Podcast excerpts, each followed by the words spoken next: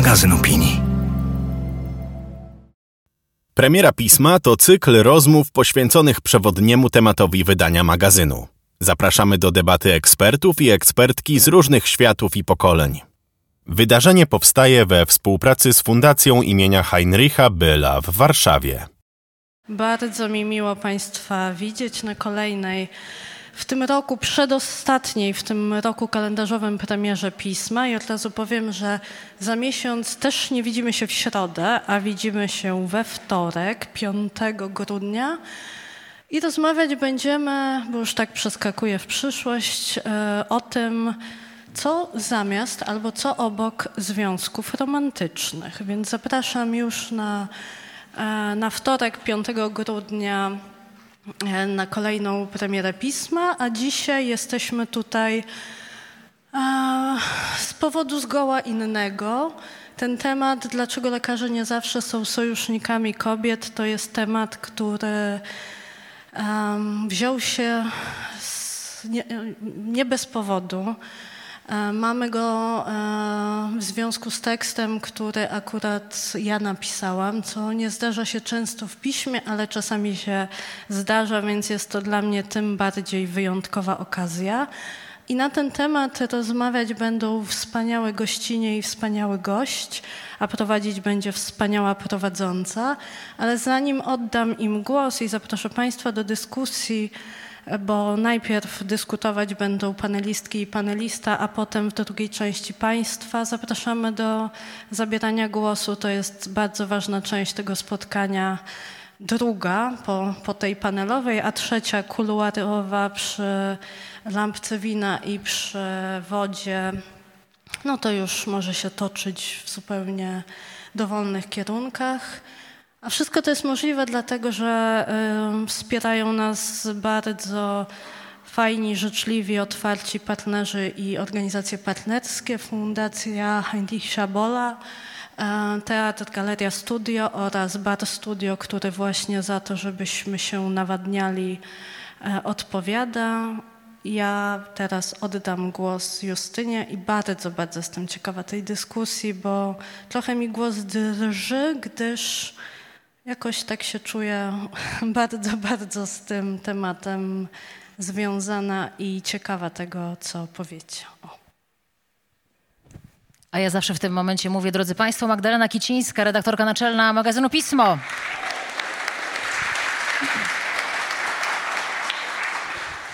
Było sporo tej wspaniałości, postaramy się z tej wspaniałości tutaj nie napuchnąć za bardzo, e, ale ty Magda nie uciekaj za daleko, chociaż wiem, że dzisiaj noc cię wzywa, bo faktycznie Warszawa to jest takie miasto, w którym sporo się dzieje i dzisiaj pewna niefortunna koincydencja wydarzeń zabierze nam redaktorkę naczelną pisma e, na jakiś czas, ale zanim Magda nam ucieknie, to pojawi się na tej scenie jeszcze za moment, e, bo tak jak wspomniała, Magda jest autorką tego tekstu, który dzisiaj jest przyczynkiem do naszej rozmowy. Pragnę zwrócić waszą uwagę na wspaniałą, jak zawsze, okładkę pisma o prawach kobiet, e, okładkę, która koresponduje z tytułem tekstu Magdy.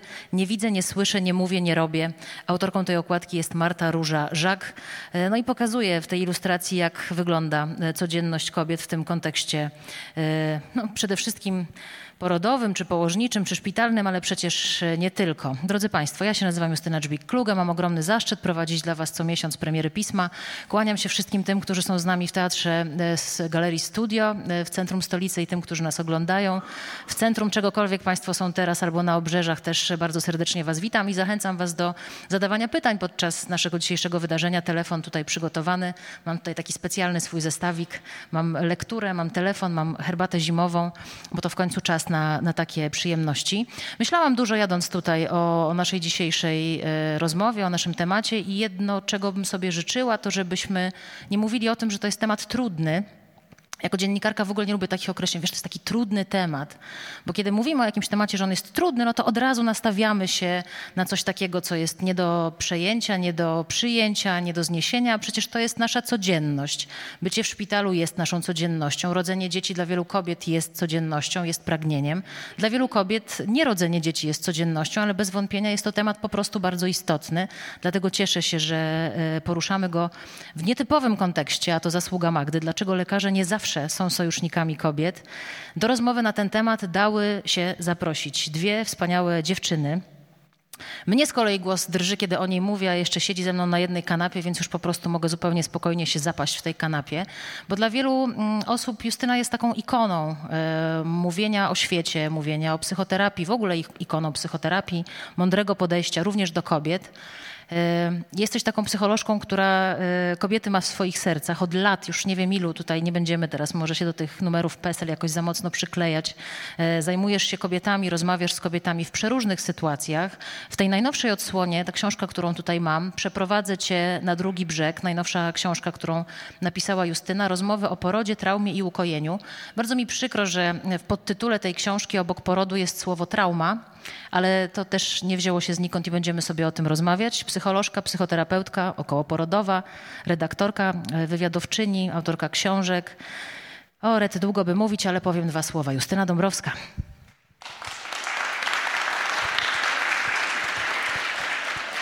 Mnie się też Justyna będzie zawsze kojarzyć z taką fundacją Rodzić po ludzku. Pewnie Państwo ją znają. To jest świetna fundacja, która też od bardzo wielu lat działa w Polsce. Ja pamiętam, jak ona zaczynała działalność, ta fundacja, i mówiła o tym, jak fatalnie wyglądają porody w Polsce. I ona działa już 20 czy 30 lat i ciągle mówi o tym, jak fatalnie wyglądają porody w Polsce. I mam takie poczucie, że coś tutaj chyba nie zagrało.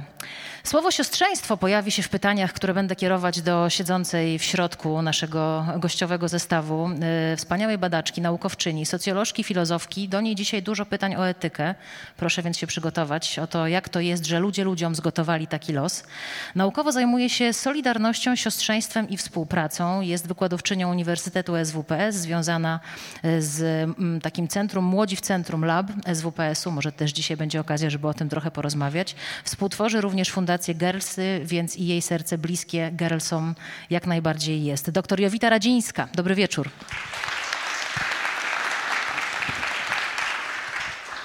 No i drodzy Państwo, postać, do której pytanie naszego e, dzisiejszego spotkania jest e, jak najbardziej e, słuszne, właściwie najważniejsza postać na tej scenie, do której to pytanie powinno paść, bo to pytanie do lekarza. Lekarz, który też nie będę mówić, że ma odwagę. Moim zdaniem jest po prostu przyzwoitym człowiekiem, a jestem po lekturze tekstu Magdy Kicińskiej. Kiedy Państwo będą po lekturze tego tekstu, też go poznają nieco bliżej, bo pan dr Dominik Przeszlakowski jest jednym z rozmówców Magdy. Lekarz specjalista w dziedzinie ginekologii i położnictwa, pracownik Szpitala Uniwersyteckiego w Krakowie przez 24 lata, obecnie Szpitala Ginekologiczno-Położniczego Ujastek.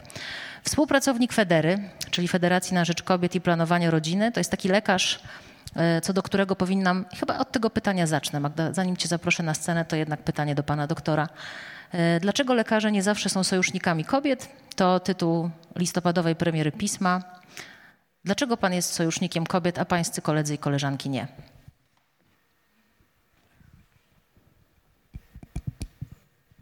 No, sojuszników kobiet jest sporo. Nawet wczoraj, zdaje się, objawił się nowy sojusznik, czyli pan Mateusz Morawiecki który oświadczył, że on zawsze był za utrzymaniem kompromisu aborcyjnego.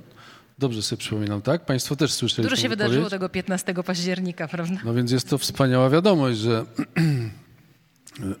że po y, wyniku głosowania pomału te płateczki się odklejają i, i, i zaczynają, zaczynają wędrować w dobrą stronę. Ja nie chciałbym się wypowiadać o postawie y, y, środowiska lekarskiego, ginekologicznego in gremio. No, myślę, że lekarze nie wykonują pewnych czynności, bo nie wolno. Oni się tak tłumaczą, że nie wolno. To jest taki podstawowy, może troszkę infantylny, taki płaski, płytki sposób podejścia do przepisów prawnych.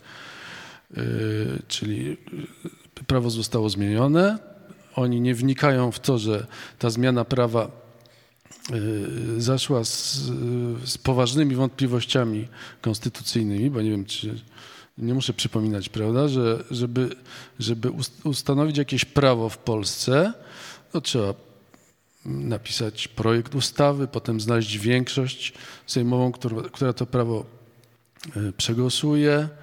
Y, to cały ten proces powinien być poprzedzony konsultacjami społecznymi, konsultacjami z fachowcami w danej dziedzinie i dopiero tak przygotowany projekt jest głosowany i przy odrobinie szczęścia staje się prawem. Tutaj natomiast y, coś, co zostało dawno temu, 30 lat temu nazwane kompromisem aborcyjnym, co według mnie na to miano nie zasługuje, ponieważ to był, to był po prostu y, no, taki, taki absolutny minimum minimorum, które y, nie zaspokaja potrzeb i oczekiwań kobiet, natomiast dawało jakąś szansę na, na to, że kobiety, które naprawdę są w potrzebie, potrzebują aborcji, y, będą tą aborcję uzyskiwały. No ale czym jest, czym jest aborcja? Aborcja jest znakomitym paliwem y, dla y, dziedziny politycznej. No bo politycy jakiś czas temu zorientowali się, że, że polityka to jest gra na emocjach przede wszystkim i najlepszym sposobem sprawowania, uprawiania polityki jest polaryzacja. No i mało który temat nadaje się do wykorzystania przez polityków tak jak aborcja. I to właśnie zostało yy, popełnione. Ta, ta zbrodnia, ta podłość, którą kobietom wyrządzono yy, poprzez wyrok Trybunału Konstytucyjnego, jest przykładem politycznego wykorzystania najintymniejszych ludzkich spraw. No to ja jeszcze zapytam lekarza, co to jest aborcja?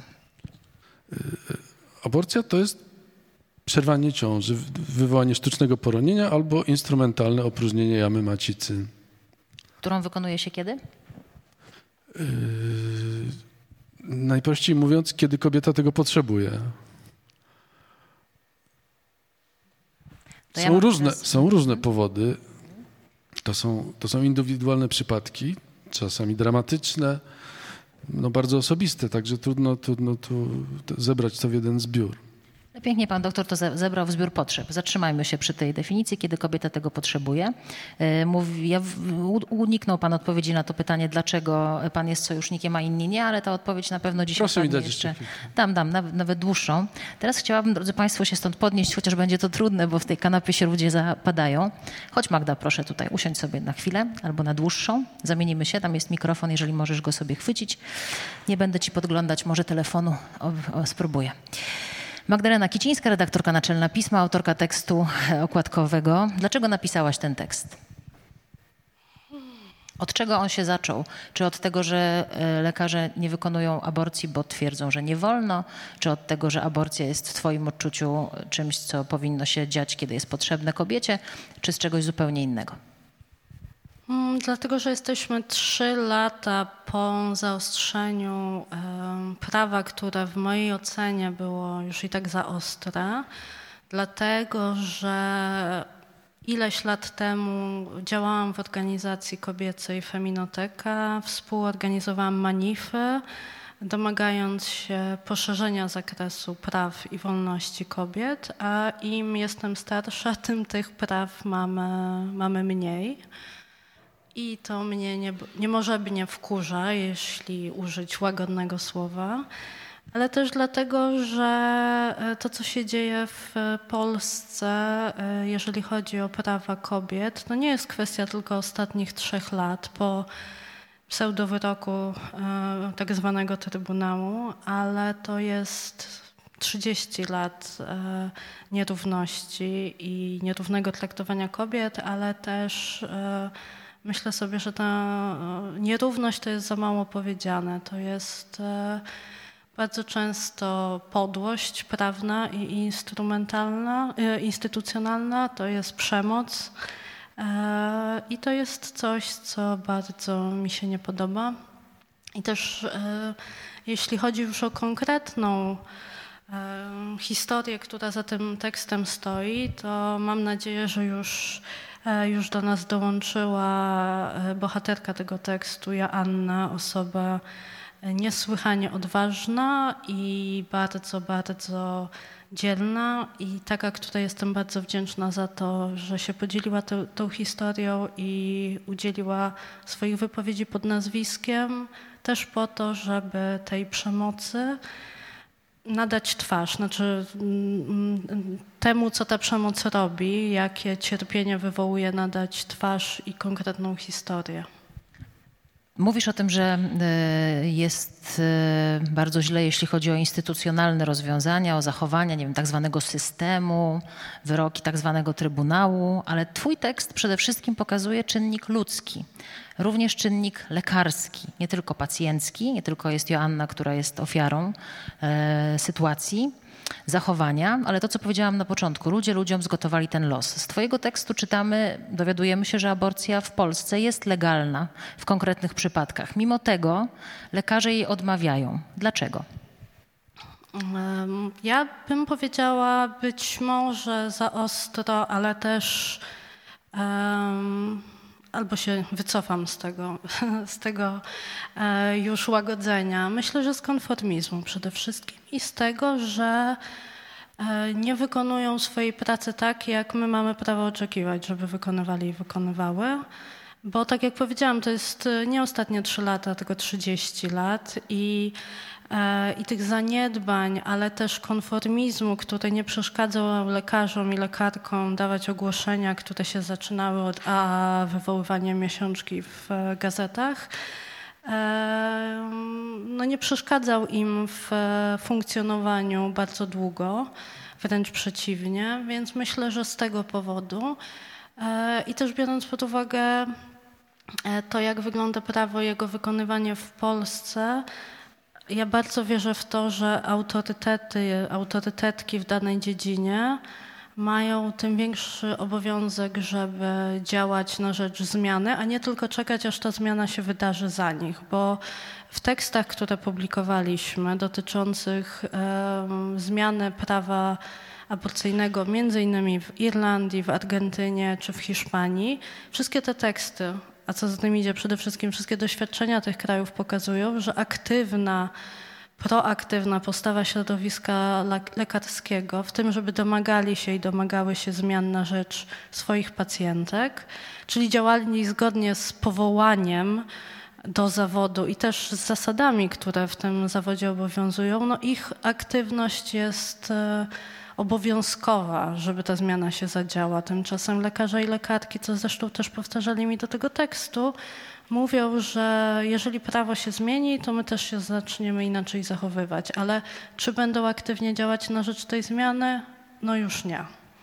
Czy spodziewałaś się takiej skali zjawiska? Bo twój tekst to jest też takie trochę dziennikarskie śledztwo. Dzwonisz do różnych miejsc, piszesz, e, kontaktujesz się z lekarzami, próbujesz ustalić, ile osób w sytuacji zagrożenia życia kobiety byłoby w stanie ją uratować poprzez aborcję. Bo jak Państwo na pewno wiedzą, i to też są przykłady znane z mediów, znamy kilka medialnych opowieści o kobietach, które zmarły, ponieważ w odpowiednim momencie nie było u nich przeprowadzonych aborcji. Ale jak się Państwo dowiedzą z tekstu, znamy kilka przykładów na imion z mediów, ale nie znamy tych, które nie zostały upublicznione, ale też umarły.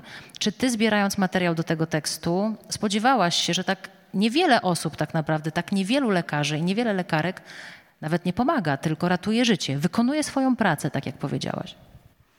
Niestety tak. E, No dlatego, że jestem feministką, e, śledzę to, co się dzieje, śledzę to, co robią organizacje pomocowe, między innymi Federa czy aborcyjny Dream Team, więc to, to nie były dla mnie nowe dane. E, Znaczy, jedyne, co mnie zdziwiło, to aż tak duże e, zamknięcie środowiska lekarskiego.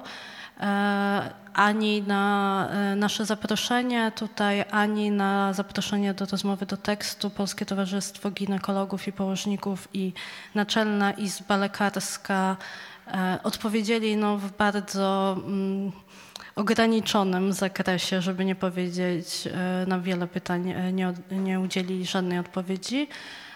Więc to może mnie zdziwiło, ale skala niestety nie. A co chciałabyś, żeby twój tekst zmienił? No, oblicze tej ziemi oczywiście chciałabym, żeby zmienił. To jest klauzura sumienia, uspokój się.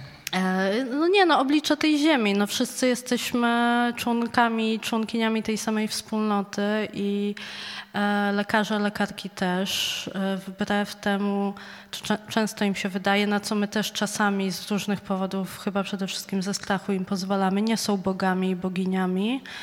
E, Powinni być naszymi partnerami i partnerkami, więc, więc to chciałabym, żeby zmieniło. Trochę, żeby nam dodało odwagi, nam kobietom w domaganiu się swoich praw, chociaż nie powinno to tak wyglądać, że my powinnyśmy tam walczyć na, na śmierć i życie dosłownie. Natomiast lekarzom, lekarkom, ale też młodym studentom i studentkom medycyny przypomnieli to, o czym ty powiedziałaś przed chwilą, znaczy gdzie jest granica między odpowiedzialnością za to, co się robi, a heroizmem i odwagą. Wydaje mi się, że gdzie indziej niż lekarze i lekarki nam próbują od 30 lat wmówić. Bardzo bym cię chętnie jeszcze pooglądała na tej kanapie, ale wiem, że czas. Bardzo dziękuję. Magda Kicińska na wprowadzenie. Dzięki. Czekaj, mikrofon mi dajesz, to dam Justynie. No to zacznijmy jednak od etyczki, filozofki i socjolożki. Pani doktor, gdzie jest siostrzeństwo, jeżeli kobieta ginekolog odmawia aborcji, powołując się na klauzulę sumienia, kobiecie, matce, która może stracić życie, nawet jeżeli ten zabieg nie zostanie u niej wykonany.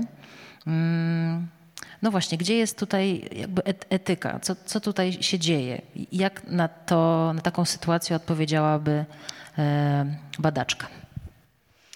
To znaczy siostrzeństwa to raczej tam nie ma, tak? Siostrzeństwo, podobnie jak Solidarność, ja często mówię, że łączy po linii interesu i lub artykulacji wartości. No więc powiedziałabym, że w takiej sytuacji te osoby nie widzą, nie mają wspólnych interesów e, i nie dostrzegają wspólnych wartości, co jest smutne. Wydaje mi się nieprawdopodobne, bo biorąc pod uwagę zawód lekarza, lekarki, mm, to jakby to chyba musiało nastąpić jakieś odcięcie od pewnych wartości przynajmniej. Natomiast rzeczywiście to nie jest tak, że kiedy się spotykają dwie kobiety, to jest gwarancja siostrzeństwa. Siostrzeństwo, jak każda inna e, wartość czy kompetencja społeczna, wymaga wysiłku pewnego, zazwyczaj świadomego. E, wymaga właśnie też, też pewnych kompetencji. No i tutaj na wielu polach musi czegoś brakować, tak? To znaczy od od etycznych kwestii, poprzez czysto zawodowe, bo ja nawet nie wiem, czy w sytuacji, kiedy pozwala się umrzeć pacjentce, to ja nawet nie wiem, czy etykę trzeba w to włączać. To jest tak elementarne, tutaj nie chcę wchodzić w nie swój obszar, ale elementarne zaniedbanie, że ja nawet nie wiem, czy trzeba przywoływać e, argumenty z wartości e, bo tu są po prostu przepisy i zupełnie inne regulacje i tak samo jak w wielu innych sytuacjach nie możemy sobie pozwolić na to, żeby narazić czyjeś życie, to tym bardziej nie może tego zrobić lekarz czy lekarka. Tylko mam wrażenie, że tymi argumentami z wartości zasłaniają się ci, którzy nie chcą czegoś zrobić. Tak? No, klauzula sumienia, na ile to jest z punktu widzenia etyka coś, co, dobra, zapytam, z czego lekarz w ogóle powinien korzystać? Ja tutaj nie mam problemu z tą odpowiedzią, bo to jest naprawdę dwuznaczne, trudne. Bardzo mi się podobało, jak jest w tekście ujęte. No, państwo niedługo będą mieli okazję zobaczyć. Ja przyznaję się, że, że miałam już przyjemność z tekstem się zapoznać. I tam jest to wyjątkowo, e, podziwiam w jaki sposób jest ujęte i pokazane. Znaczy dokładnie tak jak pani powiedziała, to jest pewna zasłona. E, I teraz tak, nawet gdyby była część lekarzy i lekarek, którzy potrzebują klauzuli sumienia, Pomijam fakt, dla mnie, pozwolę sobie też na osobisty komentarz, niepojęte, dlaczego akurat ta specjalizacja, jeżeli ktoś ma takie dylematy, ale biorąc pod uwagę, że jest wolność wyboru, te osoby mogły właśnie taką specjalizację wybrać, a dziś mogą chcieć działać zgodnie ze swoimi wartościami, no to wszystko wskazuje na to, że tych osób, które rzeczywiście doświadczają dylematów moralnych i mają wielki, e, wielki z tym kłopot, jest stosunkowo niewiele. Natomiast tych, którzy to wykorzystują właśnie dla konformistycznych celów, jest, wydaje się, e, no dobrze, nie mam, nie mam badań, żeby powiedzieć, czy więcej, czy nie więcej, ale że jest to, e, że w tym jest problem, tak? Bo jeżeli byłoby kilka osób, które rzeczywiście używałoby klauzuli sumienia, a nadal instytucje, w sensie jednostki, szpital, przychodnia wywiązywałyby się ze swoich zadań, to nie, i tak nie powinno dochodzić do tragedii. E, problemem jest to, kiedy e, gdyby ta też informacja była jasna, transparentna, e, kobiety wiedziałyby, z czym się mierzą, na co, co ryzykują, i szybko uzyskiwały odpowiedź, dlaczego na przykład lekarz nie będzie procedował pewnych, pewnych rozwiązań i mogły po prostu skorzystać z porady innego lekarza, to też nie byłoby aż takie straszne. Tak? Problemy pojawiają się wtedy, kiedy e, to jest kwestia właśnie gry na czas, e, zwlekania, nieinformowania, czyli już po prostu rzeczy, które absolutnie podlegają pod ocenę właśnie nie tylko, nie tylko etyczną, ale przecież e, niezgodną z tym, co, co lekarz może albo nie może. Bohaterka tekstu Magdy, o której Magda wspominała, Joanna, mówi takie zdanie. Nie lubię nadużywać słowa, słowa traumatyczny, ale myślę, że moje doświadczenia na sorze właśnie takie było. Y, doświadczenie takie było. Ani przez chwilę nie czułam się tam pacjentką i długo potem unikałam ciężarnych, nawet na ulicy. Kiedy widziałam kobiety w ciąży, przechodziłam na drugą stronę.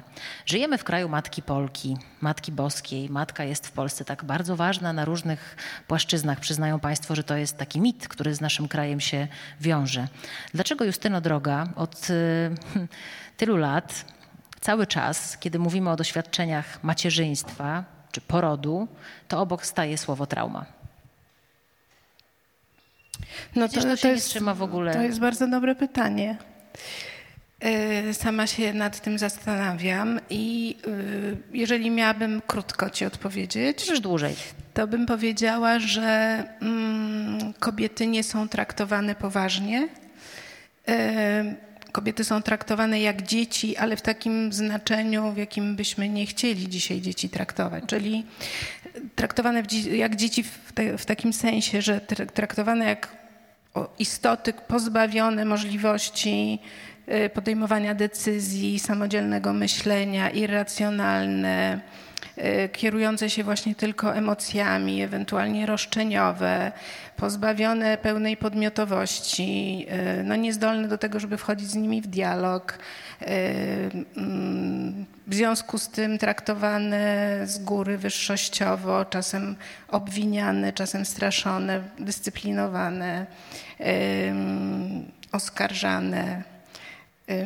To, to wszystko to, to nie jest pustosłowie. Ja się opieram na rozmowach, które przeprowadziłam z bohaterkami tej ostatniej książki i, i myślę sobie, że to nie jest kwestia ostatnich trzech lat, tylko my to widzimy od dawna, pewnie no nie bez przyczyny akcja Rodzić po ludzku e, w ogóle się pojawiła. Ale też, żeby, żeby to uargumentować, przyniosłam tu książkę Ginekolodzy, wspomnianą w tym tekście Izy Komendołowicz. Ja muszę powiedzieć, ona, jest, ona była pisana w roku 2017, czyli przed zmianami, które pseudo-trybunał wprowadził. I muszę powiedzieć, że ja byłam wstrząśnięta tą lekturą, mimo że naprawdę już ponad 20 lat pracuję z kobietami w ciąży i po porodzie i słyszę bardzo wiele historii. Byłam wstrząśnięta tym, że tutaj właśnie tu są głosy ginekologów i ginekolożek. Nie wiem na ile reprezentatywne, nie mamy badań. Zdaje się, że w ogóle nie ma badania tego środowiska, że to środowisko jakoś nie daje się badać, ale te głosy są właśnie, tu jest bardzo dużo no może tak, powiem to, nazwę to po imieniu. Tu jest bardzo dużo pogardy wobec kobiet. I to mną wstrząsnęło, że te osoby, które tutaj udzielają, jedne pod nazwiskiem, inne anonimowo yy, udzielają wywiadów, nawet jakoś nie, nie, czują się niezręcznie, kiedy mówią o kobiecie, że ma fanaberię, że się nie umyła, że ma roszczenia, że chodzi jej tylko o wygodę, że nie ma pojęcia, że jest nieudouczona itd., tak itd. Tak nie będę cytować, nie będę reklamować tej książki. Ale dla, dlaczego ja o tym mówię? Bo, bo to jest zjawisko, z którym mamy do czynienia od dawna. Czyli to chodzi o stosunek do kobiety, która w końcu przychodzi też, i też chcę to powiedzieć bardzo wyraźnie, ona y, przychodzi do szpitala położniczego, czy przychodzi do swojego ginekologa położnika, ginekolożki w momencie bardzo intymnym, bardzo odsłonięta, bardzo podatna na zranienie, bardzo rozwrażliwiona. No taka właśnie, ona się nie spodziewa, że może zostać źle potraktowana. Nawet jak się spodziewa, no to nikt nie jest na to przygotowany, prawda? jeśli jest, no właśnie, jeśli na przykład się dowiedziała właśnie, że ta istota, którą ma w łonie, no, ma wady letalne i że ona właśnie nosi w sobie kogoś, kto nie, nie, nie przeżyje, prawda? Samo to, samo to, sam, spróbujmy sobie wyobrazić, prawda, co to, co to jest za uczucie, z czym ona się mierzy. No i to jest taki moment w życiu, bo ty pytasz o traumę. No trauma jest wtedy, trauma to nie jest jakieś konkretne wydarzenie, tylko to jest taka, to jest uraz psychiczny, rana w psychice, w umyśle, czasem w ciele również, która powstaje na skutek różnych rzeczy, które nas, na nas spadły. I część to jest zły los, nie wiem, krwotok masywny, właśnie śmierć dziecka, okołoporodowa, nagłe właśnie nagłe poronienie, kiedy się boimy, że stracimy życie, ale to jest też wtedy, kiedy jesteśmy źle traktowane, kiedy ktoś w tym momencie właśnie jakiejś takiej ogromnej intymności, wrażliwości źle nas potraktuje. To się nazywa trauma relacyjna. E, no i tutaj mm, to jest ten taki moment właśnie wrażliwy, ja się zastanawiam też, w tej książce pytam, no jak to jest możliwe, jak to jest możliwe, na przykład kobiety kobietom robią coś takiego. Jak to jest możliwe, że jest tyle bezduszności, jakiejś nieczułości, braku troski, no to jest takie pytanie otwarte. E, ale też chcę powiedzieć, że zastanawia mnie, bo jak mówię, nie mamy badań, prawda, tej grupy zawodowej, przynajmniej ja nic o tym nie wiem. Zastanawia mnie to milczenie, ta cisza ginekologów i położników po wprowadzeniu, po zaostrzeniu tych przepisów, prawda? Czy coś słyszeliście, żeby, żeby jakieś środowisko ginekologiczne, nie wiem, jakiś szpital na przykład i lekarze z tego szpitala powiedzieli, halo, stop, to jest nie, to jest, to jest, to jest, to są, to jest torturowanie ludzi. My się na to nie zgadzamy. To może powędrujmy z tym do reprezentanta tego środowiska. Myśmy się, panie doktorze, dzisiaj tutaj zastanawiali z koleżankami i kolegami z pisma, jak, jak pan się odnajdzie? Tu, znaczy w żaden sposób nie będzie pan atakowany, to od razu powiem, ale będę stawiać pytania, bo z jednej strony, no, zgodnie z tym, co zresztą nie tylko w tekście Magdy, są pańskie wywiady, chociażby dla Gazety Wyborczej, mówi pan tak. Wielu lekarzy uważa, że skoro bije serduszko dziecka, to czekamy, obserwujemy. Nie jestem w stanie tego zrozumieć to jakiś poziom metafizyki czy ezoteryki. Lekarze takich postaw zdecydowanie powinni unikać, szczególnie w przypadku, gdy ewidentnie zagrożone jest zdrowie i życie żyjącej osoby, kobiety w ciąży. Wydaje się, że dla pana doktora jakby sprawy są czarno-białe, medycznie. Jest jasne, pomagamy. Jest pan też lekarzem, czego dowiadujemy się z tekstu Magdy. Jeśli ktoś nie umie albo nie chce przeprowadzić aborcji, pan był zapraszany, żeby to zrobić. Pan się tego podejmował. I znów nie spodziewalibyśmy się, że to jest jakiś turboheroizm, tylko normalne medyczne działanie. Pytanie o to środowisko, jak powiedziała Justyna jakie jest środowisko lekarzy, ginekologów i ginekolożek? Czy Państwo w ogóle się jakoś identyfikują jako środowisko? Czy Państwo, teraz będzie pytanie z gatunku takiego naiwniarskiego, no jak przychodzi ginekolog do szpitala albo jak kończy specjalizację, to go jakoś szkolą specjalnie pod opiekowanie się kobietami w intymnych sytuacjach, tak? To jest to, to, co ja próbuję robić. Ja głównie moje kontakty zawodowe się ograniczają do, do tych młodych ludzi, do moich rezydentów, których próbuję asekurować ich pracy, żeby, żeby się uczyli prawidłowo wykonywać zawód i nie bali się robić tego, co trzeba. To, to jest moje główne zadanie do, do końca mojej e, działalności zawodowej. Tak to widzę. E, nie chcę żadnych stanowisk, ani żadnych e, profitów po prostu chcę, żeby, chcę uczyć młodych lekarzy prawidłowo wykonywać zawód, bo, bo rzeczywiście y, ja tego y, szczęścia nie miałem. Czyli ja nabierałem doświadczenia zawodowego dopiero jak byłem y, specjalistą i musiałem się uczyć częściowo na swoich błędach. No, mam nadzieję, że nikogo poważnie nie skrzywdziłem. Natomiast co do postawy, to co, to, co tutaj pani powiedziała, że rzeczywiście ani Naczelna Rada Lekarska, ani Rady Okręgowe, ani Polskie Towarzystwo Ginekologów i Położników w momencie y, y, no, te, te, tego przestępstwa, które Trybunał Konstytucyjny y, dokonał na, na kobietach i zresztą na, jak się potem okazało, na relacjach między kobietami, między pacjentkami a ginekologami, to, że te gremia nie zajęły stanowiska, to jest to, to jest zdumiewające, karygodne ja sobie tego wytłumaczyć nie potrafię. Może ktoś z Państwa ma jakiś pomysł. Myślę, że, że jak zwykle w takich sytuacjach, no, tak, przecież Gogol pisał swoje książki na jakiejś podstawie, Bareja kręcił filmy. No, chodzi o stołeczki, o pieniążki, o, o interesiki i, i myślę, że te gremia y, głównie głównie o to dbają, ni niestety. No ale aż ja, tak? ja, ja, ja, ja moją, tak? ja moją y, aktywność zacząłem właśnie od tego, że y, po śmierci pani Izabeli z, z przyczyny dziewczyny ze strajku kobiet zorganizowały na, na krakowskim rynku taką dużą manifestację. I akurat y, moja córka, może nie jest aktywistką, ale ma kontakt z tymi dziewczynami.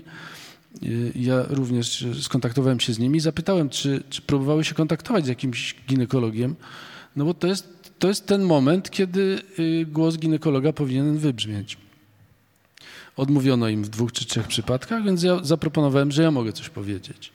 No i wtedy na krakowskim rynku publicznie zaapelowałem do, do y, Naczelnej Rady Lekarskiej, do Polskiego Towarzystwa Ginekologów i Położników o zajęcie stanowiska, żeby przynajmniej kobiety i lekarze, żeby lekarze wiedzieli, co robić i żeby kobiety poczuły się bezpiecznie. Żeby to, to zawstydzające milczenie nie, nie, nie trwało ani chwili dłużej. No i, i, i cóż, do, żadne, do zajęcia stanowiska nie doszło. Natomiast pół, pół roku po, po tym wystąpieniu zostałem zwolniony z pracy w szpitalu uniwersyteckim i to był jak do tej pory jedyny efekt mojego wystąpienia. Znaczy, myślę, że nie jedyny, no bo jednak to, co pan wtedy mówił, było, było ważne i słuchało tego wiele kobiet i myślę, że to miało dla nich ogromne znaczenie. Nie to o te efekty wymierne, czyli to, o co apelowałem, niestety Ale jeszcze chcę, jeszcze tylko ch- chcę tak e, a propos tego środowiska, tego środowiska i e, tego tekstu też. Miałam jeszcze taką myśl, boję się, że zapomnę, więc dlatego to... e, Bo tutaj jest taka teza, mm, taka hipoteza, że to chodzi o to, że lekarze się boją. No jak to czytałam, to sobie myślałam, kurczę, nie, to jednak chyba nie chodzi o to, że oni się boją. To zresztą, co w tym tekście jakoś wybrzmiewa, że się nie ma za bardzo czego bać. Gdyby się bali, to byśmy mogli empatyzować i współczuć. Więc ja myślę, że to nie jest to. Tylko to chciałam dodać. A co to jest? No, zgadzam się z, z Magdą, że, że jakoś bliżej mi do tej hipotezy, że to jest konformizm, niechęć do tego, żeby ryzykować, wychylać się, ale też brak połączenia empatycznego z kobietami, które przychodzą. Taki, taki to, co powiedziałam na początku, taki stosunek, wiesz, no, wyższościowy czy Kiedyś była taka bardzo ciekawa rozmowa z, z prezeską Fundacji Rodzić po ludzku, Janną Pietrusiewicz, jeśli dobrze pamiętam, w Tygodniku Powszechnym, gdzie Janna mm, dała taką hipotezę, że też wielu lekarzy, rozumiem, że Janna, zdaje się gdzieś tu jest, ma też ogromne doświadczenie w kontaktach z lekarzami, że obserwuje też taki mm, syndrom Pana Boga, tak? To znaczy, że, że lekarz, który, do którego kobiety przychodzą w Polsce prowadząc ciążę, a przychodzi, w tej chwili to jest 70%, słuchajcie, kobiet prowadzi prywatnie ciążę z lęku i z takiej wiary, że to jest gwarancja bezpieczeństwa. I że to jest taka pokusa, no właśnie, nie wiem, władzy, Znaczy, ja bym jeszcze zatrzymała się przy takim słowie, którego użyłaś, mianowicie to słowo to pogarda i wróciła do tego środowiska. Czy to jest tak, panie doktorze, że ginekolodzy są jakoś tacy wyjątkowi, to znaczy, że bardziej pogardzają pacjentkami niż inni lekarze? Bo rzeczywiście to jest y, bardzo ewidentne w em, wypowiedziach ginekologów i ginekolożek w książce, którą em, i cytuje Magda, czy odwołuje się do niej Magda w tekście i przyniosła Justyna, że poziom takiego braku szacunku, czy pan się z tym spotkał, czy pan to widział, czy słyszał u swoich kolegów i koleżanek i z czego to wynika? Czy po prostu, po, po, po prostu, z tego co Tak jak w każdej Justyna, grupie zawodowej, y, no nie, są po prostu jednostki, któ- których jakieś braki wychowawcze lub defekty osobowościowe no, dają znać w, takich szczególnych przypadkach. No, nie ma środowisk wolnych od takich ludzi.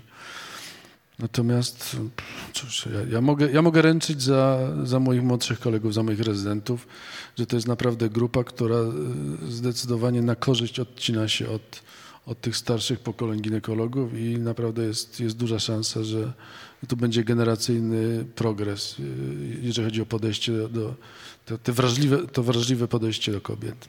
No właśnie, panie doktorze, powiedział pan o tym, że stara się pan ich nauczyć prawidłowo wykonywać zawód, bo panu nie było to dane. Co to znaczy? No, to, to, to była troszkę inna, inna medycyna. Mm. To, na mnie, bo to nie jest e, może interesujące od tej strony, to, to takie, tak, takie techniczne szczegóły. E, Po prostu szpital państwowy był częściowo prywatnym folwarkiem dla lekarzy, którzy obsługiwali swoje pacjentki. No może, może to wystarczy. Zresztą panie pewnie spotkały się w życiu z, z, takim, z, z takim podejściem. No tak wyglądały szpitale, yy, szpitale pu- publiczne. To jeszcze jedno w kontekście tego, jak pan uczy teraz swoich studentów i studentki i tego naszego tematu. Studentów już nie uczę, bo zostałem zwolniony. To znaczy e, student, e, rezydentów, le, lekarzy. Tak, tak, rezydentów, rezy- rezydentów. To dwie rzeczy. Jedna to, co to znaczy prawidłowo wykonywać pański zawód? No, no, jak- jakiś poziom empatii, wrażliwości, oczywiście z, nadrzędnym, y, z nadrzędną podbudową y, wiedzy. No, no, to, to są złożone sprawy. Leczy, leczymy, ludzi, leczymy, leczymy ludzi. I Jest to, jest to wyzwanie, które no, są Państwo sobie w stanie wyobrazić. Ja nie, nie umiem, to, to jest po- pytanie na zbyt dużym poziomie ogólności, żebym, żebym się mógł z nim zmierzyć. No to konkretne pytanie. A pan się nie boi, że pana znowu wywalą? Y, Przez jakiś czas może się bałem, ale, ale y, jest już po wyborach, po pierwsze. A po drugie, wydaje mi się, że przekonałem większość tych ludzi, z, z którymi teraz pracuję, że, no, że milczenie i ta, to, ta zachowawcza postawa jest po prostu brzydka, y, y, jakby to powiedzieć, niegodna. Nieprzyzwoita. Tak jest. Tutaj mówimy takimi słowami przypruszonymi i brokatem, a tak naprawdę taka postawa kosztuje kobiety życie. E, I myślę, że tego nie należy chować. I tak, panie doktorze? Y, To prawda, z tym, że y, w tych przypadkach, kiedy rzeczywiście pacjentki umierają, to, y, to trzeba dać czas ty, tym y, instytucjom, które są powołane do badania tych, tych przypadków, żeby rozstrzygnęły i zadecydowały, czy wina lekarza jest bezsporna, czy jest stuprocentowa, czy może częściowa. No bo to są, y, trzeba pamiętać, że dla lekarza, któremu umiera pacjentka, pracy na dyżurze, to też jest ogromny, ogromny, no, ogromna trauma. To wiem, wiem że ja, ja nie chcę porównywać tego, tylko musimy mieć pewność w każdym przypadku, jeżeli dochodzi do zgonu pacjentki, że rzeczywiście doszło do zaniedbań, że wynikiem zaniedbań jest śmierć. Czasami te, te, te sepsy y, okołoporodowe czy okołoporonieniowe prze- przebiegają tak błyskawicznie, że niezależnie od, od szybkości reakcji lekarza sprawa i tak skończyłaby się źle. Także ja apeluję, no oczywiście, jeżeli lekarze się przyznają, że nie interweniowali, bo bali się y, pseudoprzepisów i przedkładali te y, pseudoprzepisy nad wiedzę lekarską, no to oni sami przyznają, że no, przykro mi, ale No, wtedy odbieram, jest ich wina. odbieram pański głos jako głos medyczny, nie jako głos jakby broniący kogokolwiek, tylko jako głos mówiący o faktach, że czasem faktycznie tak się dzieje, tak jak mówiła Justyna, są różne losowe sytuacje, na które no, medycyna to nie jest e, cudotwórstwo i to też nie jest matematyka, różne rzeczy się mogą wydarzyć. Ale pani doktor, teraz e, wracam do etyczki, filozofki, socjolożki. Matematyką też nie jest nasza mentalność, no ale jakoś tak przy wielu rozmowach, również przy tej, myślę, że warto, żebyśmy do niej zajrzeli. Mnie się trudno czytało książkę Justyny, nawet przyznam, że czytałam ją z pewną niechęcią, nie dlatego, że jest źle napisana, tylko dlatego, że po prostu cały czas słyszymy tę samą jakby opowieść. Dlaczego tak jest, że... ym, traktuje się w Polsce kobiety, bo mówimy nie tylko o tym, że lekarze nie są sojusznikami kobiet, tak? tylko na tej okładce widzą Państwo cały zestaw ludzi siedzących.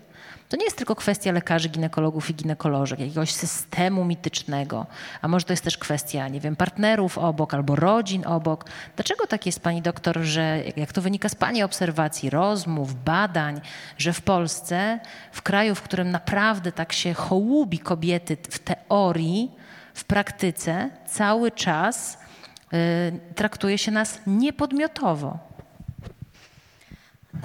Tak rzeczywiście jest i to jest wielki problem. Gdybym chciała odpowiedzieć w dwóch, dwóch słowach, to bym powiedziała, że kultura patriarchalna.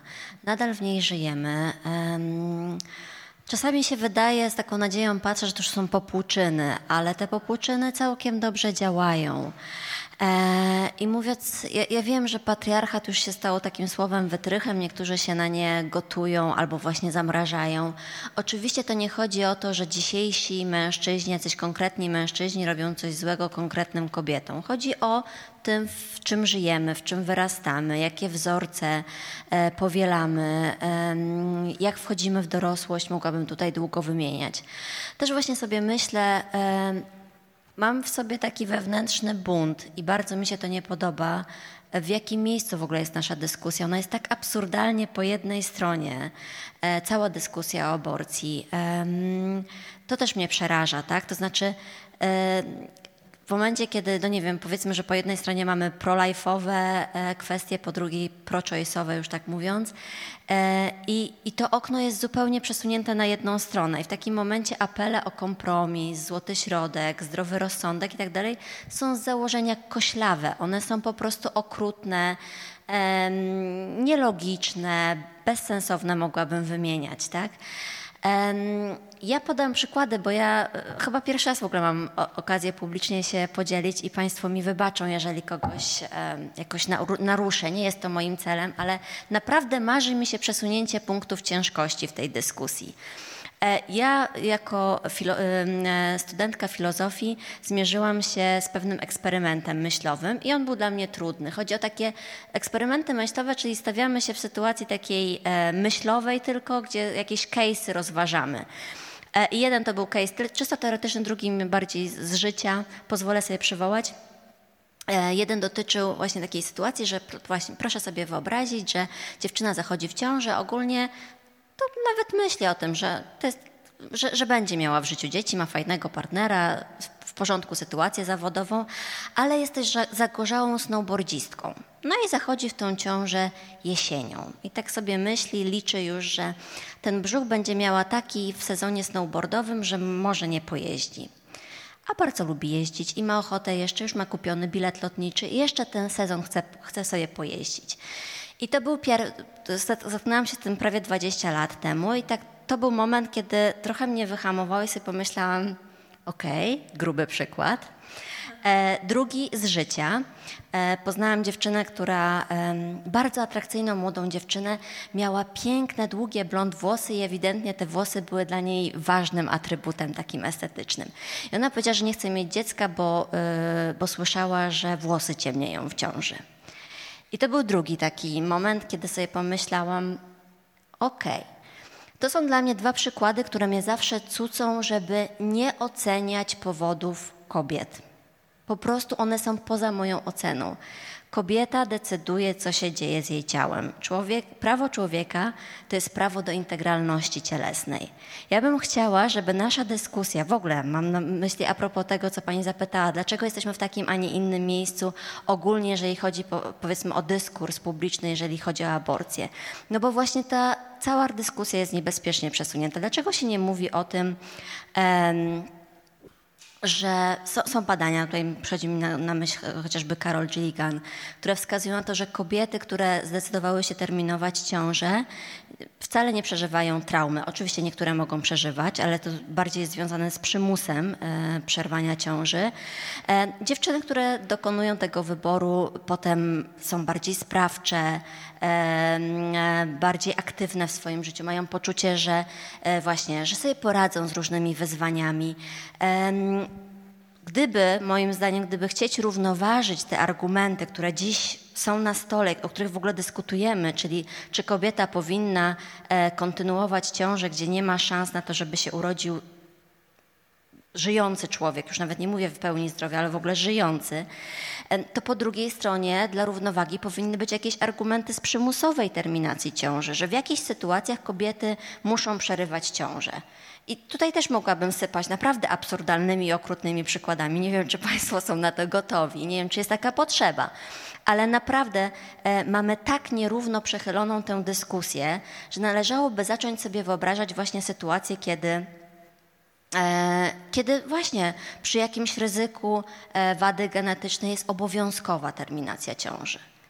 Albo, albo nie wiem, z czynu zabronionego jest obowiązkowa, albo właśnie na zasadzie doświadczenia, że kobieta, która ma córkę, powinna raz w życiu przeżyć aborcję, bo będzie umiała ją wspierać w przyszłości. No wyobraźmy sobie absurdalne przykłady z drugiej strony, bo dopiero wtedy środek tej dyskusji wypada plus minus w okolicach rozsądku. W tej chwili wszystko jest po prostu tak przesunięte, tak koślawe. E, okrutne, podłe, rzeczywiście tutaj padło słowo brzydkie.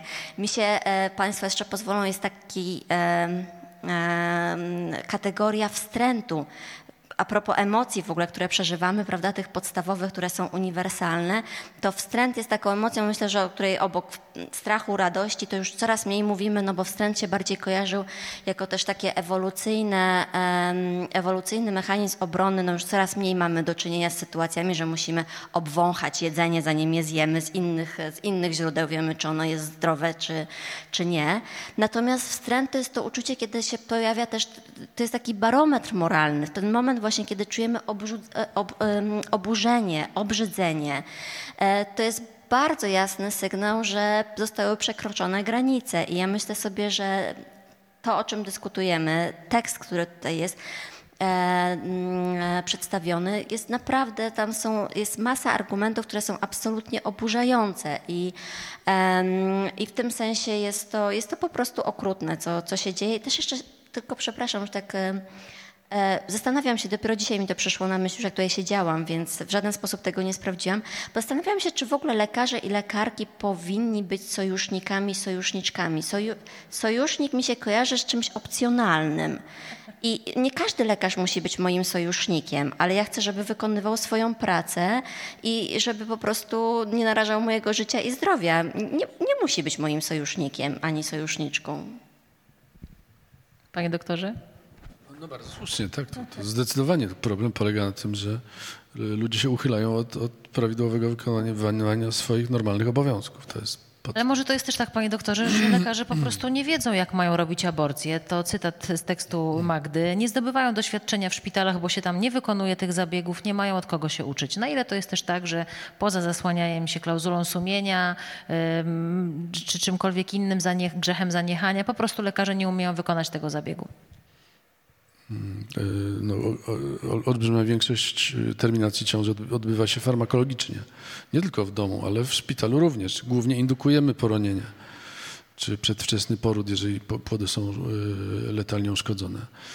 Natomiast to są pojedyncze przypadki. Ja, ja kilkukrotnie tylko musiałem wykonać instrumentalne rozkawałkowanie płodu i rzeczywiście no, jest, to, jest to zabieg tak drastyczny, no, ale to jest, to jest część naszego zawodu i każdy ginekolog powinien być przygotowany, żeby taki zabieg umieć zrobić. Przy czym nie wymaga to specjalnych szkoleń, specjalnego przygotowania. Ginekolog musi, musi być po prostu obyty z narzędziami i z pewnymi sytuacjami, yy, w których, w których trzeba sobie poradzić. Justyna? Tak, bo pomyślałam teraz, jak pana słuchałam, że to jest też taki zawód, no właśnie, który jakoś dotyka i kwestii życia, i kwestii śmierci. I że ktoś, kto wybiera tę specjalizację, no w jakimś sensie się decyduje na to, żeby w te obszary wchodzić. A także druga myśl jest jeszcze taka, że to jest szczególna specjalizacja, bo pewnie, nie wiem, chirurg, który operuje w znieczuleniu ogólnym ma trochę inaczej to jest taka specjalizacja, gdzie się jest w relacji, prawda? I to też niesie ze sobą konsekwencje. Nie, nie da się robić tego, tej roboty bez wchodzenia w relację z pacjentką. I tu chyba też jest jakiś kłopot, no właśnie, żeby w tej relacji być, żeby rozumieć uczucia, które są po drugiej stronie, żeby poza tym, że technicznie się jest ogarniętym, to rozumieć, empatyzować, być wrażliwym, wrażliwą e, i nie zaburzać się samemu, samej z tego powodu, że ktoś obok nas coś ważnego przeżywa. Dlatego a propos tej relacji, o której powiedziałaś, powiem tak bardzo enigmatycznie, żeby Państwo sobie to przeczytali w tekście Magdy, ale właśnie dlatego, że to jest pewna relacja między pacjentką, to w jednej z klinik w Holandii personel medyczny uczy się polskiego, zaczynają od podstawowych zwrotów, wszystko będzie dobrze i nie jesteś sama. Tak a propos tego, kto jak e, postrzega relacje. Jeszcze jedno pytanie do Państwa otwarte, a później bardzo chętnie podzielimy się tymi mikrofonami z Wami tutaj na sali, też z Wami, którzy nas oglądają.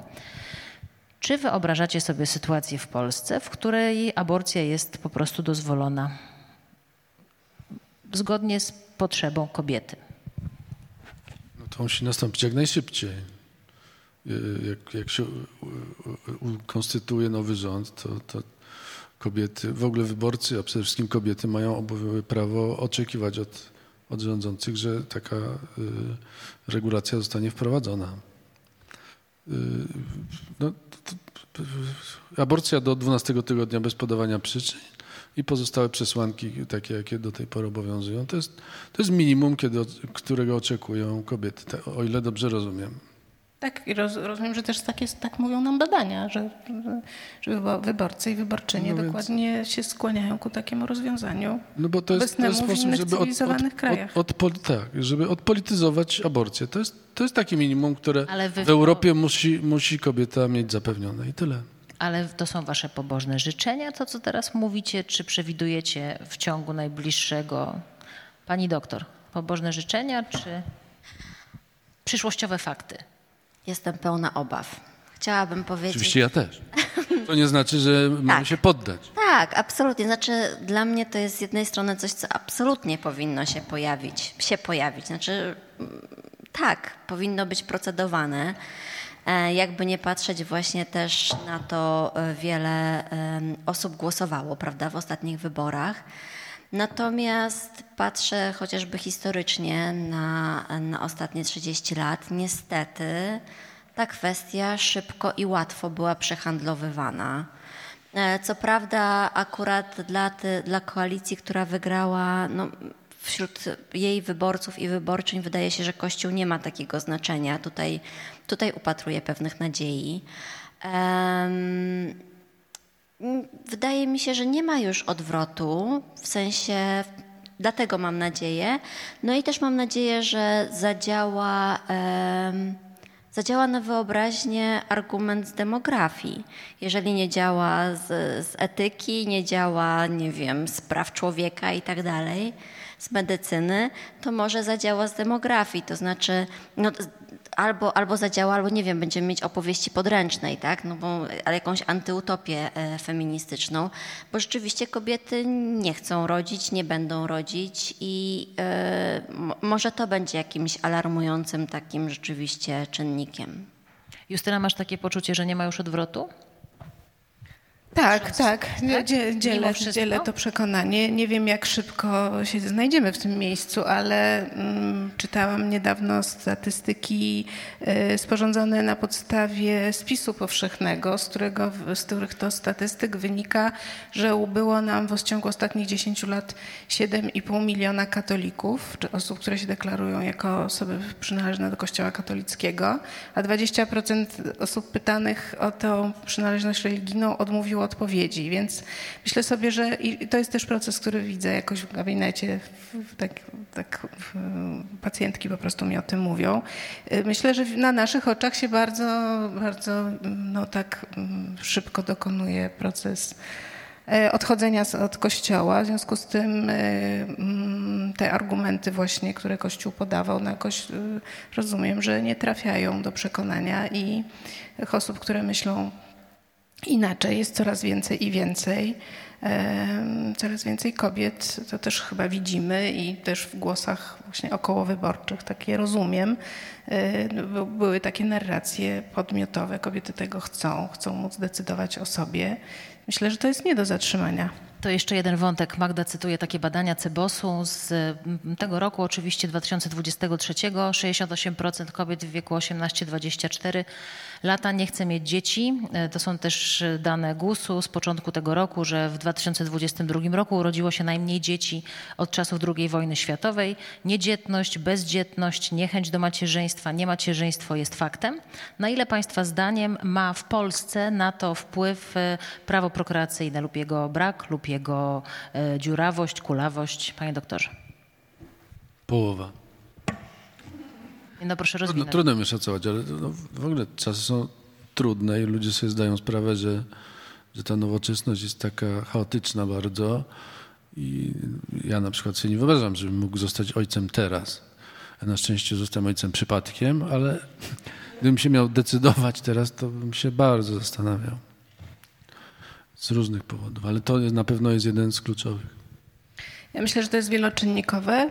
Y, moja perspektywa jest taka, że nigdy do tej pory nie było tak, żeby kobieta, która, mm, która przychodzi, jest w ciąży, przychodzi do mnie, przychodzi w tej sprawie, że się boi, że jest w ciąży, takim znaczeniu. Nie, że nie chce, bo to jest ciąża planowana i okazuje się chciana, tylko że ona się boi, jak zostanie potraktowana przez lekarza, lekarkę, czy dostanie pełną informację, czy będzie dostęp do badań prenatalnych, czy jak będą zrobione te badania, to ona dostanie pełną informację na temat tego, co one oznaczają a potem czy będzie mogła podjąć jakąś decyzję. I że myślę, że to jest naprawdę bardzo ważny kawałek tej historii. Kobiety nie czują się bezpiecznie i nie dziwię się, że w związku z tym są sceptyczne i mam nadzieję, że to się zmieni. Ale przecież pani doktor, ta demografia to jest trend światowy. To nie tylko w Polsce kobiety nie chcą mieć dzieci, tylko w Europie Zachodniej, szeroko rozumianej, w Ameryce, no, w, w tak zwanych krajach zachodnich.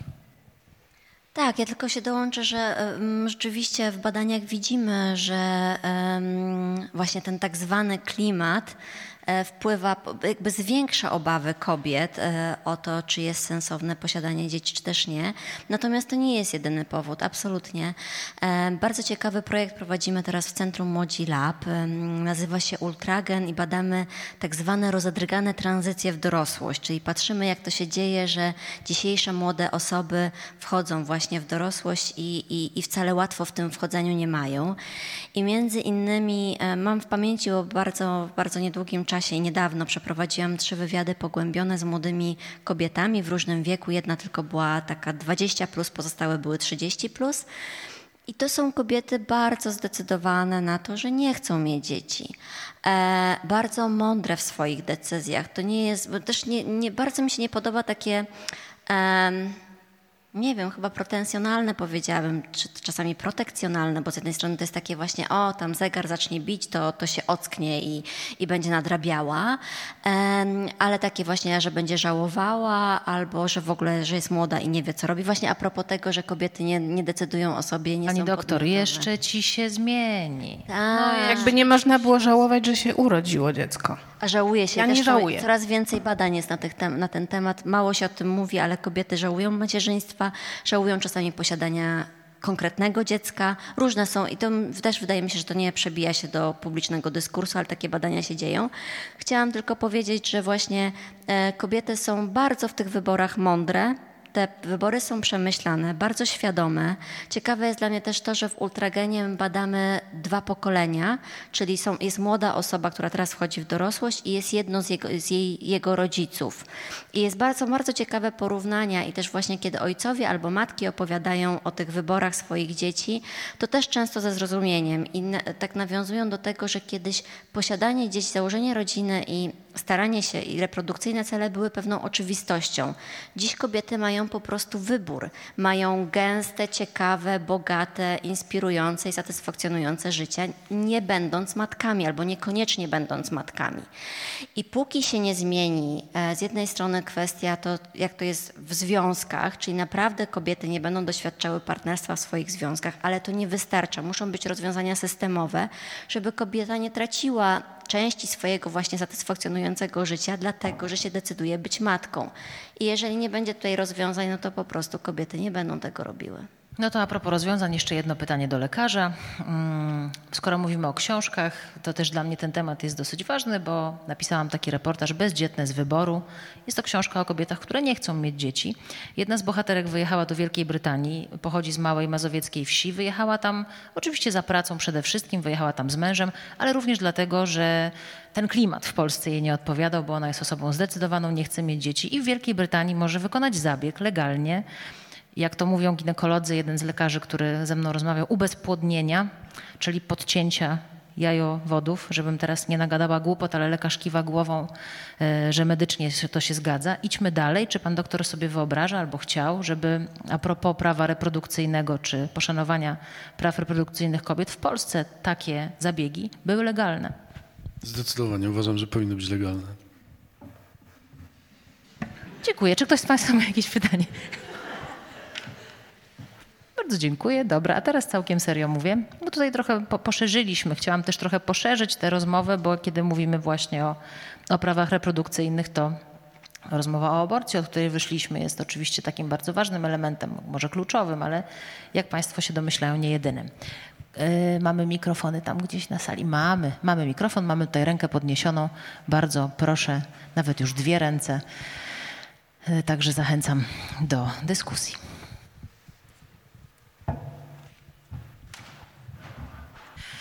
Dzień dobry, ja mam pytanie do pana doktora.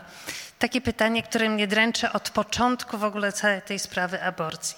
Czy z punktu widzenia wiedzy medycznej pozostawienie w ciele kobiety obumarłego płodu to nie jest po prostu błąd w sztuce lekarskiej?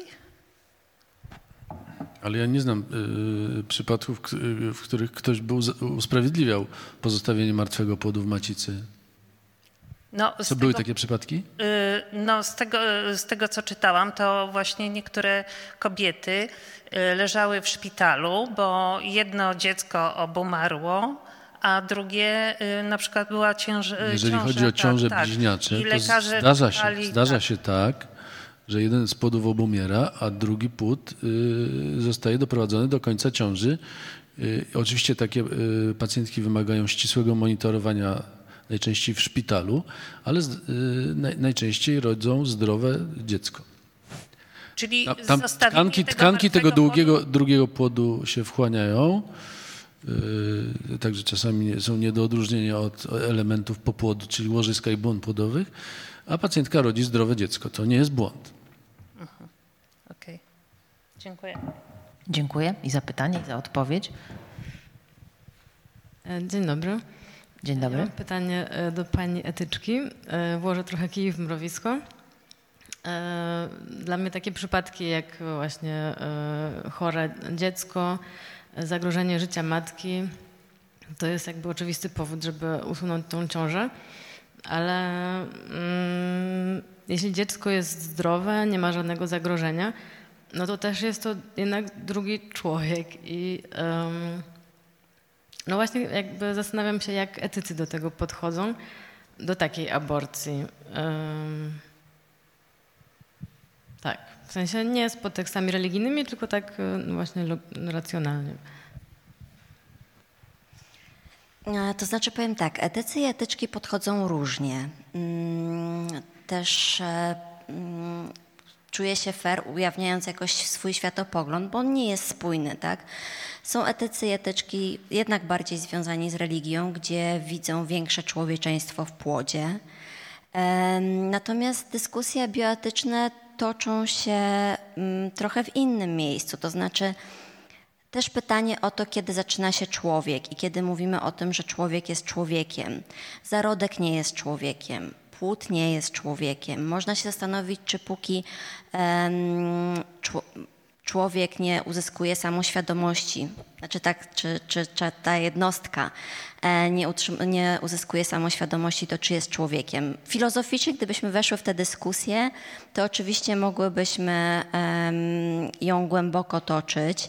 Jest też taki argument tak zwany z potencjalności, czyli mówi się, że jeżeli te połączone komórki kiedyś w przyszłości, jeżeli im się nie przeszkodzi, staną się człowiekiem, to już zasługują na ochronę. No ale z drugiej strony to jest argument, który bardzo chętnie bardzo szybko jest doprowadzony do absurdu, no bo pokazuje się też, że ten właśnie ten argument z potencjalności, no to w ten sam sposób należałoby chronić wszystkie plemniki i, i, i, i comiesięczne jajeczkowanie i tak dalej, bo to też jest potencjał. E, chcę powiedzieć, że bardzo dziękuję za Pani wypowiedź i e, chciałabym się odnieść do niej. Naprawdę jest we mnie dużo szacunku i w ogóle myślę, że te dyskusje nasze powinny się toczyć właśnie w taki sposób, że pokazujemy, e, to jest największy dylemat, tak? Ktoś, kto widzi w tym, w tym płodzie, w tym, w tym, co się znajduje w kobiecie człowieka, ktoś inny nie. Ja myślę sobie, że też e, potem odwołania takie medyczne czy biologiczne są istotne. Znaczy, dla mnie też jest ważny moment, kiedy płód może żyć samodzielnie poza ciałem matki, a kiedy jeszcze nie może. Znaczy, jeżeli jest integralną częścią ciała kobiety i nie jest nawet w sensie biologicznym w stanie samodzielnie przeżyć, czyli to jest tam 26 czy 27 tydzień, o, 24. E, no, jeżeli nie jest w stanie samodzielnie żyć, to jest po prostu integralną częścią ciała kobiety. I jednak to ona jest człowiekiem. W sensie trudno, jeżeli nawet by się zgodzić, że jedno i drugie jest człowiekiem, tak, e, to jakby cała samoświadomość e, możliwości tej kobiety, to z czego ona ewentualnie rezygnuje, co poświęca i tak dalej, nie da się tego porównać. Jeżeli zastanowimy się, co dla nas niesie słowo człowiek i człowieczeństwo, nie da się porównać, bo wszystkie argumenty, które stoją za tym płodem, za tym dzieckiem, są de, facto argumentami z potencjalności, że to, że, te, że to się stanie kiedyś człowiekiem. Więc oczywiście bardzo szanuję i, i, i, widzę ten dylemat moralny, tak, który, i te argumenty, które stoją za tym, że jednak w tym brzuchu to też jest osoba. Zwróciłabym uwagę, że, że, że gdzieś ta, ta, ta dyskusja też się powinna otoczyć, toczyć e, o tym, jakie prawa są, kiedy się już człowiek urodzi. Że tak samo to jest prawo do bycia, nie wiem, kochanym, wychowywanym w rodzinie i tak dalej. A czy sam fakt biologicznego życia jest naprawdę takim faktem, który powinien przeważać w tej dyskusji? To bardziej pytanie. Bardzo proszę, mamy kolejne pytanie. I jeszcze jedno. Dziękuję bardzo. E, bardzo dziękuję za tą dyskusję, za to spotkanie. Jakoś jest to dla mnie niezwykle budujące, że jest tutaj tyle młodych osób. E, ja nazywam się Anna Pietrusiewicz, jestem w Fundacji Rodzić po ludzku i to jest naprawdę dla mnie wielka nadzieja. Tutaj było takie pytanie, co po artykule. To ja mam, ja mam wyraźne oczekiwania, że, e, że młodzi ludzie się wkurzą na to i zaczną podważać pewne rzeczy, które są, trwają wiele lat. W, i w opiece okołoporodowej, czy w ogóle tak szeroko rozumianym zdrowiu y, reprodukcyjnym. Y, dzięki temu się różne rzeczy zmienią. Y, dużo się zmieniło w ciągu 30 lat ale myślę, że to jest taki punkt kulminacyjny i wierzę, na, wierzę, że to, że tutaj jesteście, to jest taki, takie światełko do tego, żeby coś się zmieniło. Liczę na to, ponieważ przyglądam się już od lat, y, jak działa Polskie Towarzystwo Ginekologów i Położników i trochę straciłam nadzieję, że to się zmieni, ale mam nadzieję, że powstanie nowe towarzystwo y, i gorąco zachęcam. Towarzystwa Ginekologów i Położników. Chciałbym to podkreślić.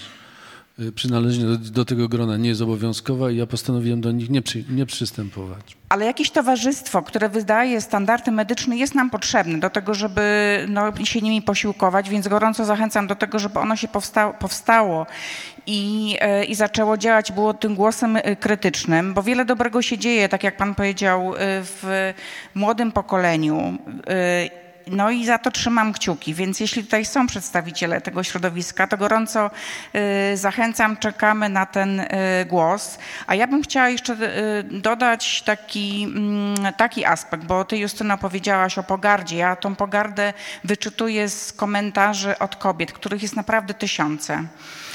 To jest coś, co się bardzo przebija do, w, w doświadczeniach kobiet. Pogarda. Yy, natomiast yy, myślę, że to, co yy, warto zmienić i na co warto zwrócić uwagę, to jeszcze jest taki aspekt pewnej władzy. To jest taki, mm, to jest taki poród, to jest taki moment, aborcja to jest kolejny taki moment, kiedy inne osoby mają, mają nad nami ogromną władzę poród jest bardzo specyficzny, prawda? On trwa kilkanaście godzin, zazwyczaj kobieta nie może opuścić tego miejsca i jest zdana na to, na to, co się będzie działo. To się wszystko też odbywa za zamkniętymi drzwiami, więc y, tutaj się może naprawdę y, wszystko wydarzyć i to też często mm, przebija w komentarzach od kobiet y, takie powiedzenie, teraz tutaj ja rządzę. I to mówi czasami lekarz, czasami mówi to położna.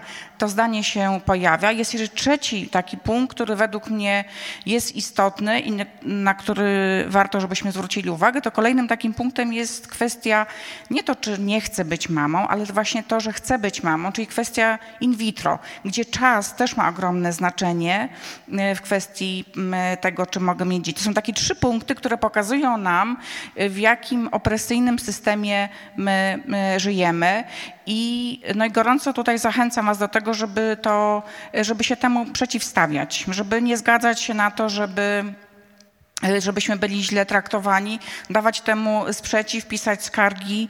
Ja wiem, że to, y, że to wymaga dużej aktywności, ale rozmawiając też z kierownikami placówek bardzo często słyszę taką informację, ale nikt nic nie mówi w tej sprawie. Nie ma żadnej skargi, więc ta informacja zwrotna do decydentów jest niezwykle istotna, bo też może być takim czynnikiem, który to, y, który to zmienia. To jest smutne, że to od strony y, nas, kobiet, taka informacja musi wyjść, ale to jest myślę, że coś, co da, daje taką, no taki sygnał do tego, żeby coś w danej placówce mm, zmienić.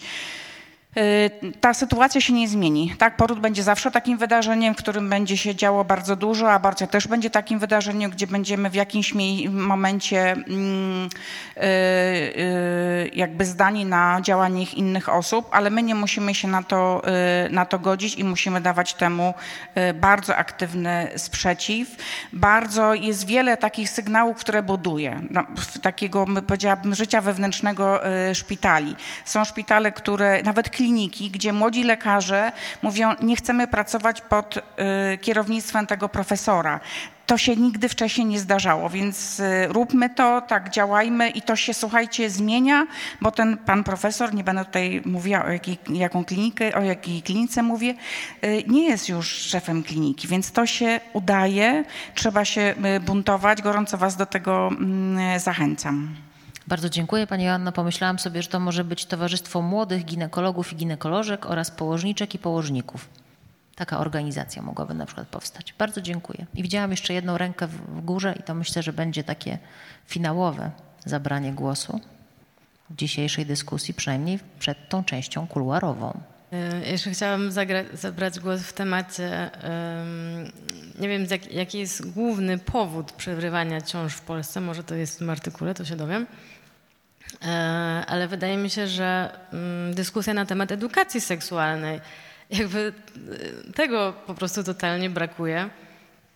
Mm, no właśnie nie wiem, jakie są statystyki, ale na pewno część po prostu wynika z tej braku edukacji, więc jakby mm, przeciwnicy aborcji powinni być jak najbardziej za edukacją seksualną, żeby no to jest, nie trzeba było Trafiła Pani w punkt. To są dokładnie dwa, dwie rzeczy, o których przeciwnicy aborcji powinni pamiętać. Edukacja seksualna i antykoncepcja. Jeżeli się jest przeciwko aborcji, chce się zredukować, bo zlikwidować się nie da, natomiast zredukować do minimum ilość aborcji, to należy edukować dzieci i młodzież seksualnie i zapewnić dostęp do antykoncepcji no, zbadane w Holandii, gdzie jest jeden z najniższych odsetków przerywania ciąży w Europie i tam jest najlepsza edukacja seksualna i najbardziej, naj, najlepszy dostęp do różnego rodzaju antykoncepcji dostępnej dla mężczyzn i dla kobiet. Oraz z tego co wiem a propos badań e, i takich argumentów jakiejś mitycznej drugiej strony, ale myślę, że może już sobie darujemy te drugie strony, ale takich kontrargumentów, tak to nazwijmy, że jak będzie dostępna aborcja, to wszyscy będą wykonywać, że będzie jak kanapki w sklepie, że w ogóle jak będziemy edukować te dzieci, to wszystkie będą. Otóż nie, z tego co wiem, w krajach, w których jest bardzo takie liberalne prawo, to właśnie nie ma tych aborcji tak wiele. Im lepsza ta edukacja seksualna, tym i, i dostęp do antykoncepcji, tym tych e, sytuacji jest mniej po prostu, więc to jest zupełnie w odwrotną stronę niż niektórym w naszym kraju się wydaje. A też e, tak sobie myślę, że to jest też o tym właśnie, że kobiety nie potrafią, nie potrafią podejmować racjonalnych decyzji. No, syndrom postaborcyjny nie istnieje i nie ma żadnych dowodów naukowych na to, żeby istniały. Są jedne badania, które zostały podważone. Natomiast no, rzeczywiście to jest zwykle jakaś decyzja i kobieta się nad tym zastanawia i waży różne argumenty. I dlaczego mielibyśmy myśleć, że ona e, podejmuje jakąś głupią decyzję? Myślę, że zawsze ma jakieś ważne powody. Pani doktor, jak bardzo etyczna jest edukacja seksualna? E, ja tylko dodam, że właśnie e, kwestia edukacji e, seksualnej, antykoncepcji, ale też właśnie procedur, które pozwalają kobietom decydować o sobie, mm, też przeciwdziała kolejnym społeczno-ekonomicznym podziałom, bo tutaj, to tutaj nie padło, prawda? Czyli to, co jest dla mnie bardzo takim przykrym, smutnym, chociaż nie, to nie są dobre określenia, to jest po prostu e, bardzo złe i niewłaściwe, czyli że e, pojawia nam się kolejny podział ekonomiczny, czyli znowu kobiety, które mają pieniądze, kupią sobie e, opiekę okołoporodową, czy w jakiejś trudnej sytuacji po prostu sobie różne usługi kupią, nie wspominając o tym, że właśnie wyjadą do Holandii czy do Czech, I nieważne, czy mówimy tutaj o antykoncepcji, czy być może o jakimś zadbaniu o edukację seksualną, ale już na pewno kiedy mówimy o aborcji. Natomiast e, kiedy to jest zapewnione przez państwo, działające struktury, instytucje, organizacje, no to znosimy ten element właśnie podziału ekonomicznego, bardziej demokratyzujemy dostęp do, do tego, co nam się należy po prostu. Drodzy Państwo, to na koniec zapraszając Was oczywiście bardzo serdecznie na przedświąteczną, chciałam powiedzieć świąteczną, bo ja akurat jestem z tych, którzy święta bardzo lubią, chociaż bardziej tradycyjnie niż religijnie, ale na świąteczną premierę, która w grudniu. Będziemy rozmawiać o relacjach. E, to za dzisiaj Wam pięknie dziękuję, a ponieważ Pan doktor zaczął od polityka, nasze spotkanie, tu się pojawił Mateusz Morawiecki, to ja też skończę politykiem. Po tych wyborach bodajże Janusz Korwin-Mikke powiedział i właśnie dlatego kobiety nie powinny mieć prawa głosu. I właśnie dlatego powinniśmy mieć prawo głosu, więc bardzo wszystkim Państwu dziękuję. Wszystkim płciom obecnym na sali, absolutnie i tym, którzy się nie identyfikują, też bardzo dziękuję. A najbardziej naszym wspaniałym gościom, albo gościniom i gościowi. Doktor Jowita Radzińska, lekarz medycyny Dominik Przeszlakowski, Justyna Dąbrowska. Wielkie brawa dla Państwa.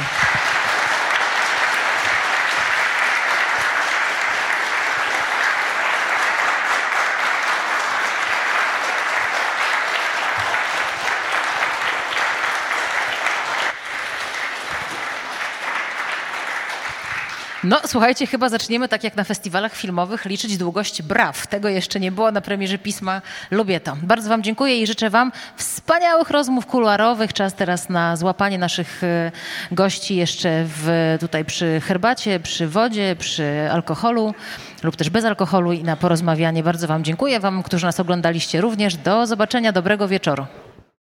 Więcej materiałów znajdziesz na stronie miesięcznika Pismo, magazyn opinii pod adresem magazynpismo.pl. Wydarzenie powstaje we współpracy z Fundacją imienia Heinricha Byla w Warszawie.